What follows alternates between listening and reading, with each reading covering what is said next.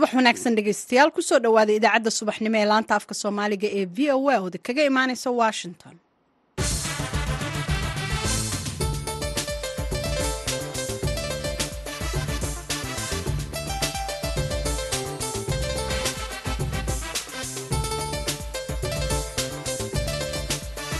waa subax isniin ah lixda bisha maarch sanadka waxaad naga dhagaysanaysaan muwjadaha gaagaaban ee efemyada geeska afrika iyo bogga v o a somaali com. Saacadda afrikada bari waa lixdiiyo barkii aroornimo idaacadda saaka iyo caalamka. Waxaa idinla socodsiinaya anigoo ah falastiin axmed iimaan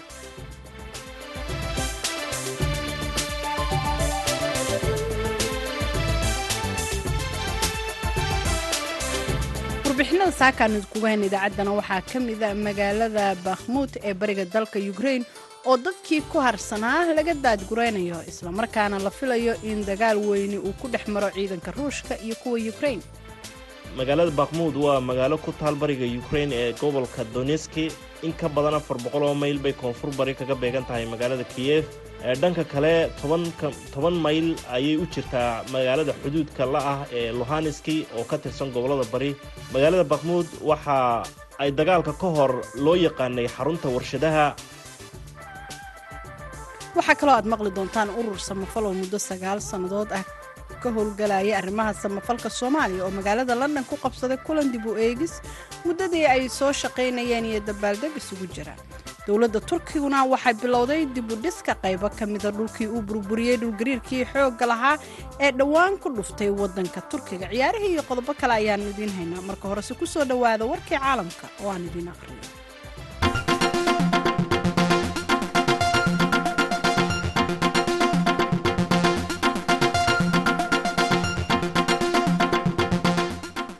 madaxweynaha tunisiya ayaa cambaareeyey cunsuriyadda shalay oo axad ahayd isagoo sheegay in tallaabo sharciga laga qaadi doono kuwa ku kacaya. Arintaasi toban cisho kadib markii uu ku dhawaaqay in ay dowladdu baacsanayso soo galootiga sharci darrada ah isagoo adeegsaday luuqad ay midooda afrika ugu yeereen mid kicinaysa nacayb madaxweyne qays siciid ayaa u sheegay ciidamada ammaanka inay eriyaan dhammaan soo galootiga sharci darrada ah. Wuxuuna sheegay in soo galootigu ay bedelayaan tuunisiyaanka ayna u bedelayaan afrikaan iyagoo carabnimadooda si ay sii yaraanayso. Booliiska ayaa xirxiray boqolaal soo galooti ah. Milkiilayaasha guryaha ay degan yihiin dadkan iska leh ayaa iyana bilaabay in ay dadka ay eriyaan sidoo kale boqolaal kale ayaa shaqooyinkoodii laga ceyriyey sida ay sheegeen hay'adaha xuquuqda aadanaha. Dad badan oo soo galooti ah ayaa sheegay in la weeraray oo dhagxaan ay ku tuureen dhallinyaro qowlaysata oo xaafadaha degan kooxaha xuquuqda aadanaha ayaa sheegay in booliisku ay ka gaabiyeen inay ka jawaabaan xadgudubyada loo geysanaya dadka soo galootiga ah isagoo siciid dafiray eedaha cunsuriyadda ah. Balse waxa uu ku celiyey aragtidiisa ahayd in soo galootigu ay yihiin dabin qowmiyadeed oo yaraynaysa carabnimadooda islamarkaana sare u qaadaysa afrikaannimada. Wuxuuse ku celiyey in tunisiya lagu sharfay inay noqoto dal afrikaan ah wuxuuna ku dhawaaqay in uu u fududaynayo nidaamka fiisaha muwaadiniinta afrika isagoo sheegay inuu ogolaanayo in lix bilood qofku uu joogi kara halkii markii hore ay saddex bil ka ahayd.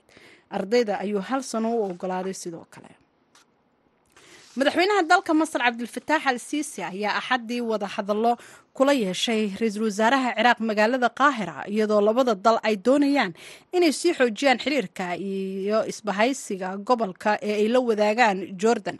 Ra'iisul wasaaraha ciraaq maxamed shiica al suudani ayaa ka degay caasimadda masar wuxuuna garoonka ku soo dhoweeyey dhigiisa mustafa badboli al suudani iyo madbole ayaa salaan sharaf waxay ka qaateen kooxaha muusiga garaaca iyagoo loo tumay.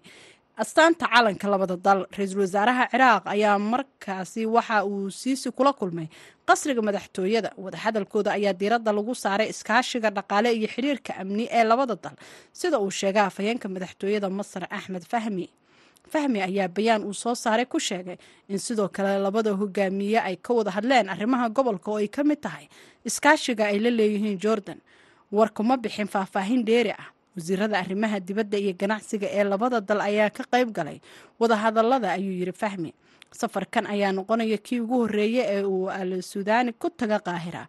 Tan iyo markii golihiisa wasiiradu ay ansixiyeen baarlamaanka ciraaq bishii oktoobar taasoo soo afjartay ismarwaagii siyaasadeed ee muddo sanad ah ka taagnaa madaxweynihii ka horreeyay al suudaani oo ahaa ra'iisul wasaarihii hore ee ciraaq mustafa al qaadimi ayaa waxa uu xiriir dhow la yeeshay isagoo al siisi iyo boqorka jordan cabdulaha labaad. Al siisi waxa uu u safray baqdaad bishii juun isagoo noqday madaxweynihii ugu horreeyey ee masar ee booqda ciraaq tan iyo kun sagaal boqol iyo sagaashameeyadii markaasoo xiriirka labada dal uu go'ay kadib markii uu sadaam xuseen weeraray dalka kuweyt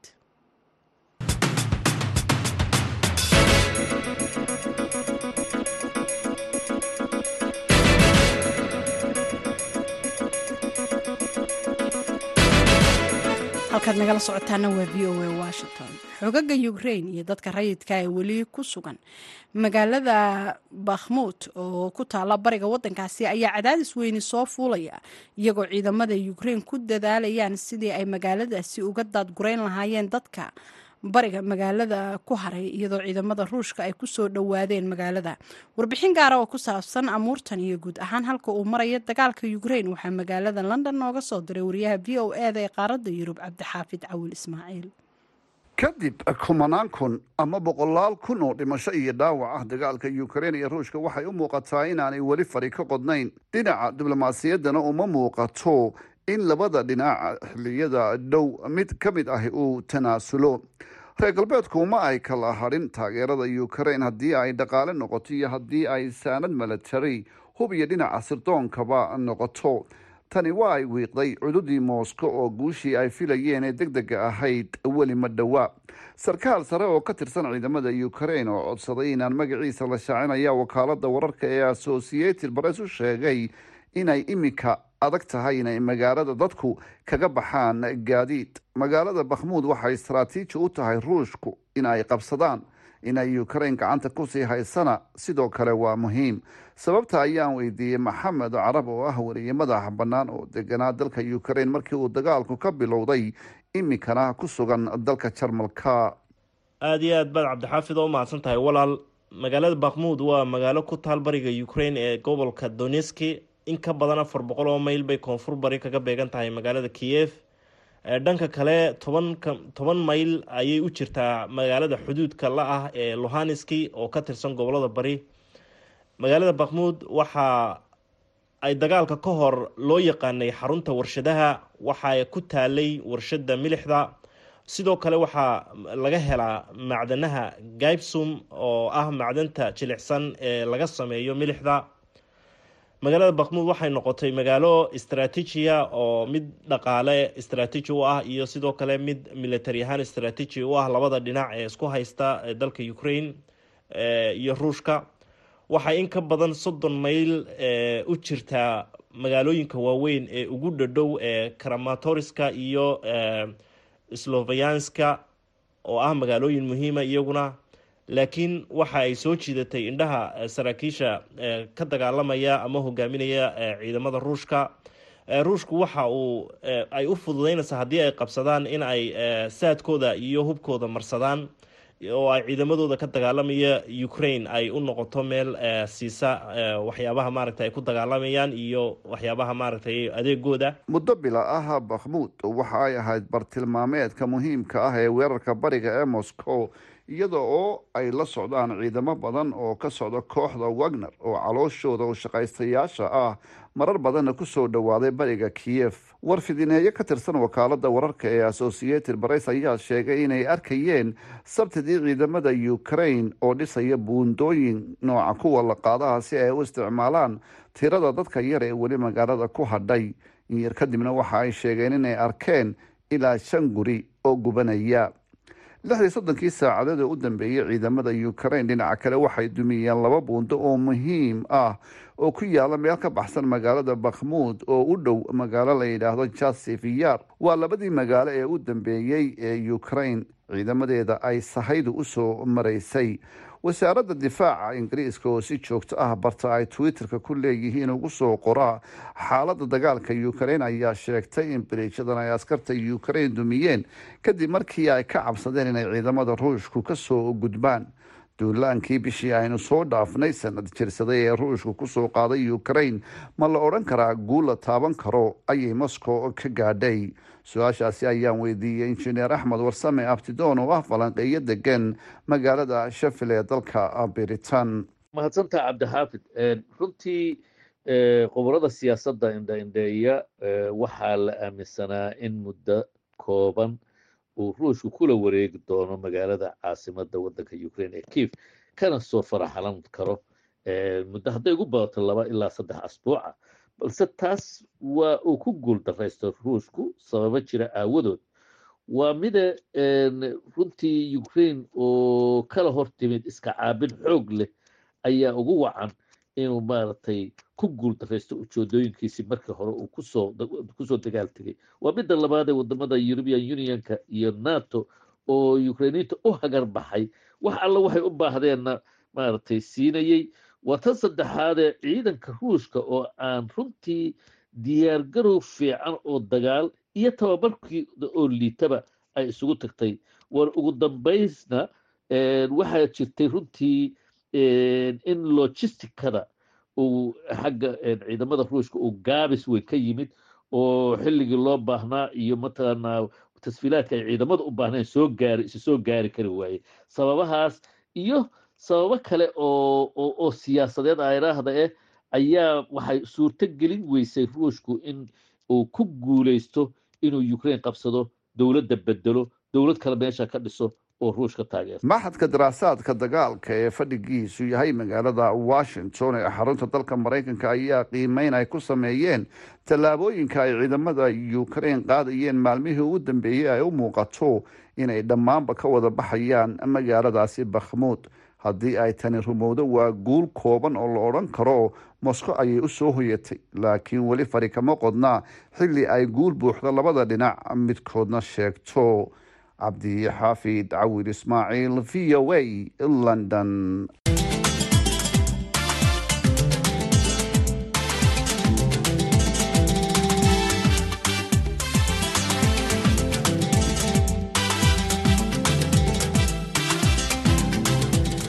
halkaad nagala socotaana waa v o a washington. Sanad guuradii sagaalaad ee hay'adda samafalka soomaaliyeed ee alfa trust ayaa lagu qabtay magaalada london iyadoo ay ka soo qayb galeen qaar kamida qurba joogta soomaaliyeed. Haddaba wariyaha v o eda ridwaan xaaji cabduule ayaa la xiriiray gudoomiyaha hay'adda daahir cali kulmiye. Ugu horeyna waxa uu kala hadlay munaasabadaasi. Waa mahadsantihiin v o a radwan iyo tiimkiisa oo mar walba na garab taagan. Waxaa noo qabsoomay xaflad aada u ballaaran sannaha aan dhigno. Waa sanad guuradii sagaalaad maadaama alfatrasta ay gaartay sagaal sano. Dad aada u tiro badan ayaa ka soo qayb galay. Waxaa laga yimid yurub maraykanka meelo badan ayaa laga yimid.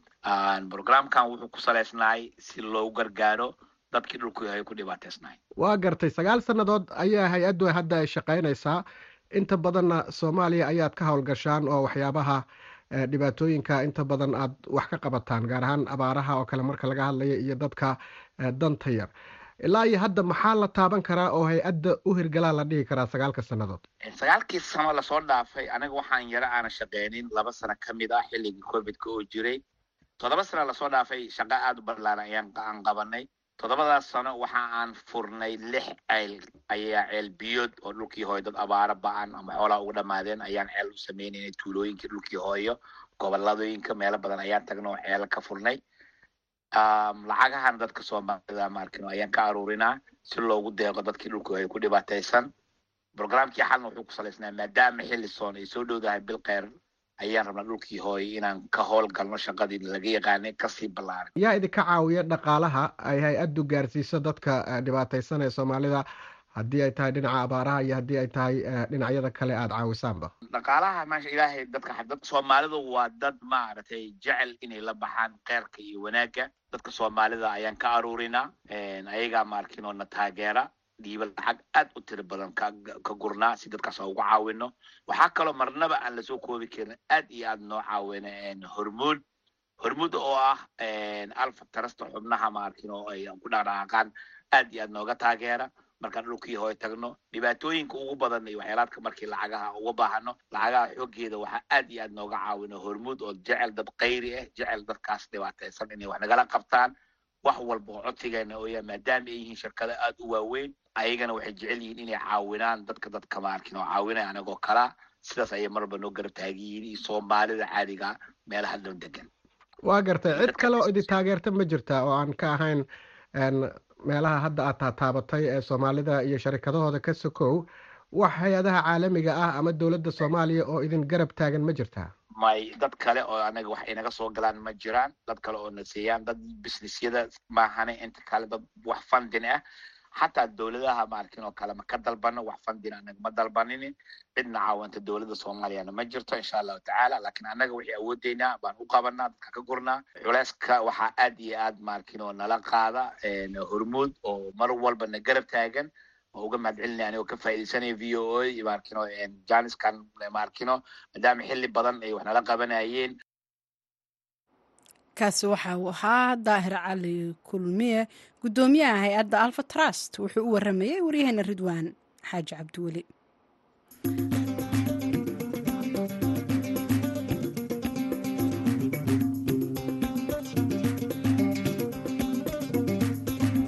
soomaalida ku nool magaalada toronto ee dalka canada ayaa wado dadaallo wax looga qabanaya dhibaatooyinka haysta dhallinyarada sida dilalka. Inkastoo sanadkan la sheegayo in dilalka dhallinyarada soomaalida ee toronto ay tiro ahaan hooseeyaan marka la eego sanadihii hore. Haddaba waxaa lagu soo waramayaa in loo baahan yahay dadaallo dheeri ah oo lagu soo afjaro arrimahan. Wariyaha v o eda ee kanada xuseen nuur xaaji ayaa arrimahan ka wareystay yaasiin abikar oo muddo deganaa toronto ugu horeyna waxa uu weydiiyey waxa sababay in dhibaatooyinkan ay sii socdaan xuseen sida aad la socoto waddamadan aynu ku noolnahay qofka markuu xabsiga galo uuna soo dhammaysto xilligii lagu xukumay waxaa adkaata in bulshadii uu la qabsado qofkaasi waxaa jirta in qofka lagu shabadeeyo in uu criminal record uu leeyahay taasina ay adkaanayso in uu shaqo ka helo waddanka gudihiisa dabcan qofka haddii uusan shaqaysan karin waxaa ku adkaanaysa nolosha oo dhan sababtoo waxa uu u baahan yahay hooy uu ku noolaado iyo weliba waxa uu cuno taasi haddii uu waayo waxaa sahal u noqonaysa qofkaasi inuu dib ugu laabto meeshii uu ka soo baxay maadaama aysan jirin waddo kale u furan. Xukuumadda naftirkeeda waxay ahayd in qofka inta uu xabsiga ku jiro inay u samayso xirfado uu qofkaasi ku shaqaysto kolkuu dibadda u soo baxana inay u fududayso qaabka criminalka naftirkiisa ay u fududayso si qofkaas uu shaqo u helo islamarkaana uu bulshada uga mid noqdo ugu noqdo qof shaqaysan. Waxaa jira xarumo ay soomaalida maamusho oo ku yaalla magaalada toronto kuwaasoo sheega inay taageeraan arrimaha dhalinyarada iyo wax ka qabashada dhibaatooyinkooda. Xarumahan kaalintooda ma muuqataa run ahaantii way jiraan xarumo dhowr ah oo siriga naftirkeeda ay lacago badan ay ku bixiyaan sidii dhallinyaradaasi loogu badbaadin lahaa waxa xun islamarkaana loogu samayn lahaa barnaamijyo wax ko ool ah. Runtii xuseenow dhallinyarada waxay u baahan yihiin xarumo ay ku madadaashaan islamarkaana ay ku cayaaraan si ay uga badbaadaan dhibta lixaad kale ee banaanka taala taasi oo mar walba u sahlaysa in ay waxa xun la kulmaan. Balse su'aasha u baahan in la isweydiye waxay tahay xarumahaasi ma sameeyaan shaqooyinka ay sheegaan inay u qabtaan dhallinyarada soomaaliyeed. Jawaabtu waxay tahay maya haddii ay samayn lahaayeen ma in dhibta maanta dhalinyarada soomaliyeed halkan ku haysata inay mataqaana ay sii jiri lahayd. Ugu dambeyntii waad aragtaa dhibaatooyinkan waa kuwa sii socda.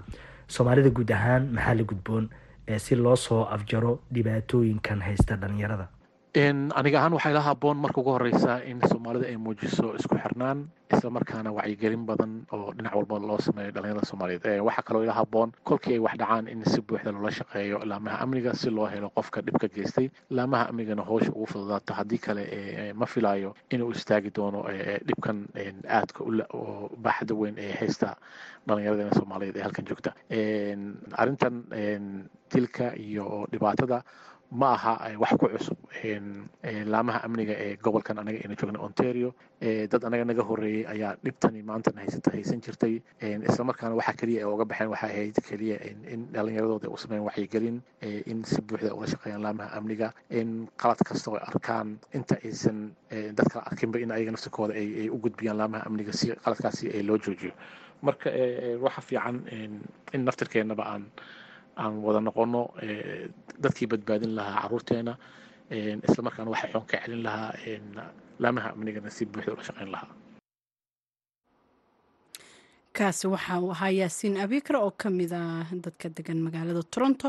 Waxaa u waramayey waryaheena xuseen nuur xaaji. Halkaad nagala socotaana waa b o a washington. Markana dhegeystayaal ku soo dhowaada xubintii ciyaaraha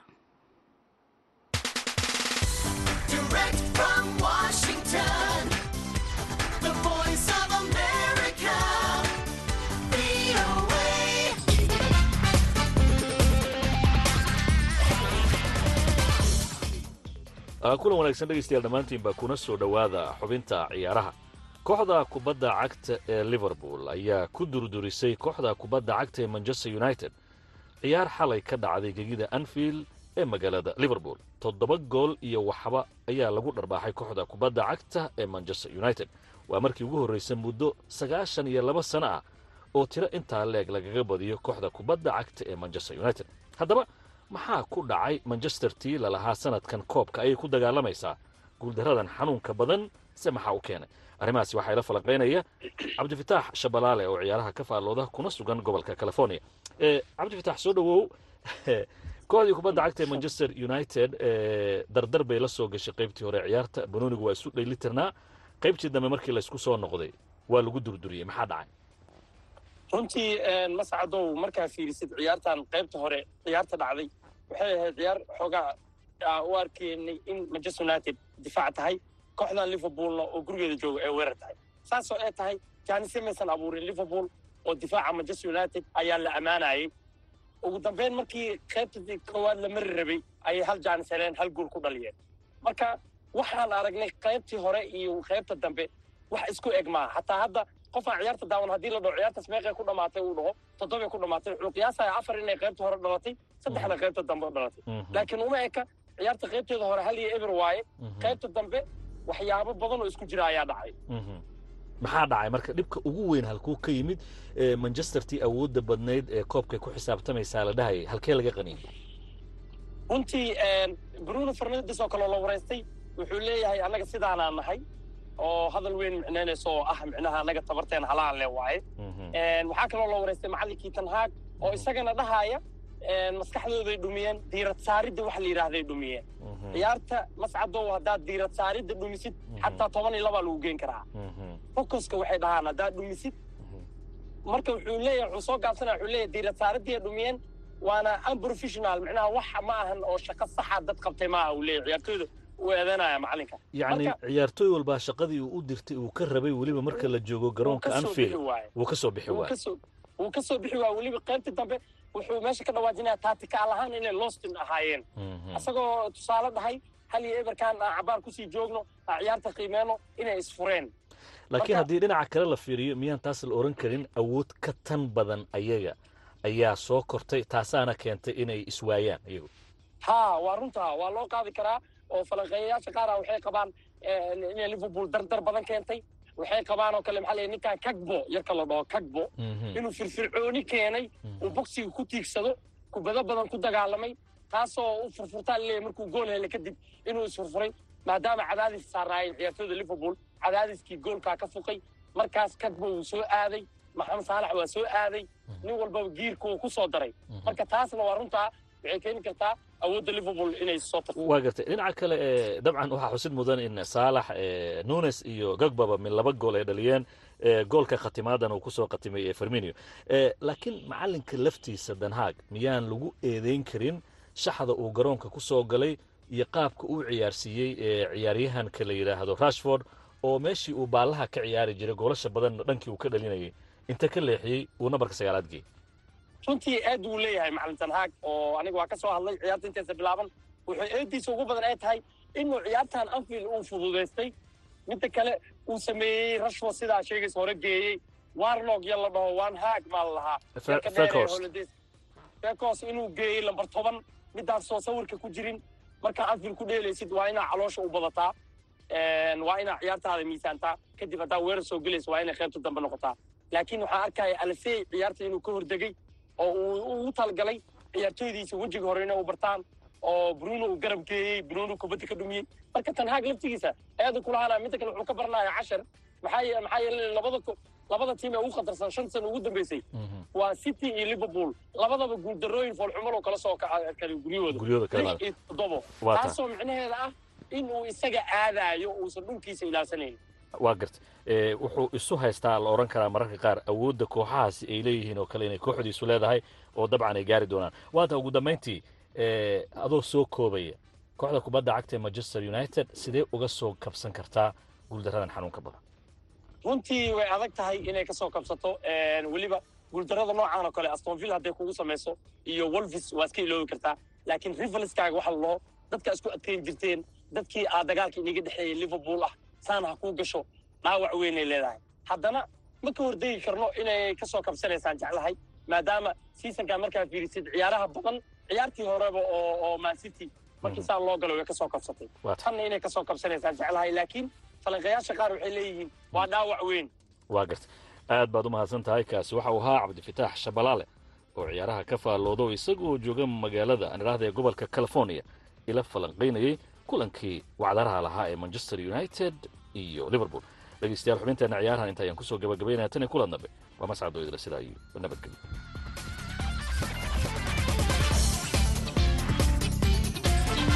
markana dhinacii heesaha maxamed aweys geedow iyo jidda sheekh bashiir costa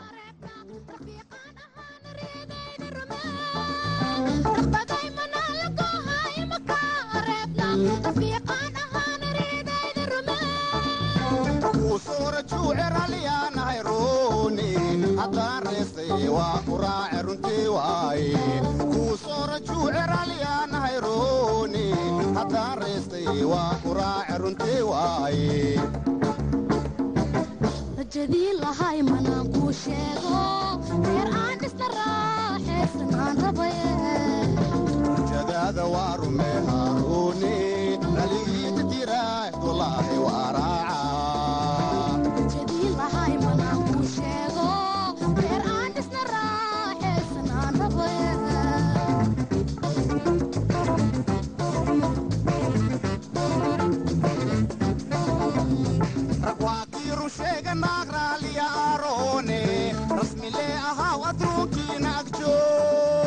joog rag waa kiiru sheega naag raaliya aaroone rasmilee ahaaw adruunkiina ag joog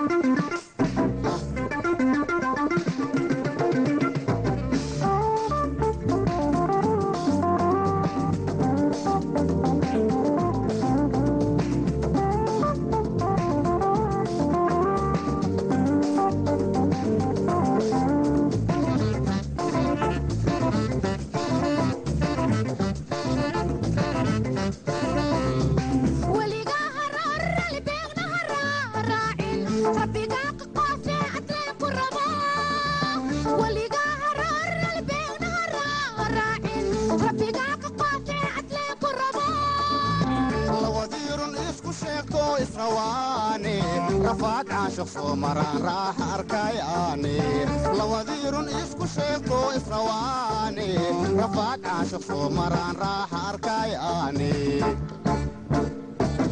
rajadii lahay manaan kuu sheego. Reer aan dhisna raaxaysan aan rabaye rajadaada waa rumee haaruuni dhaligiita tiraah walaahi waa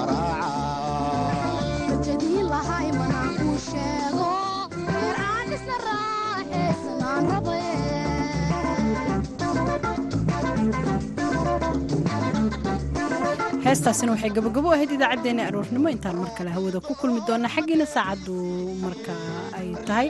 Kowda barka duhurnimo. Waxaan idinkaga tegaynaa nabadgelyo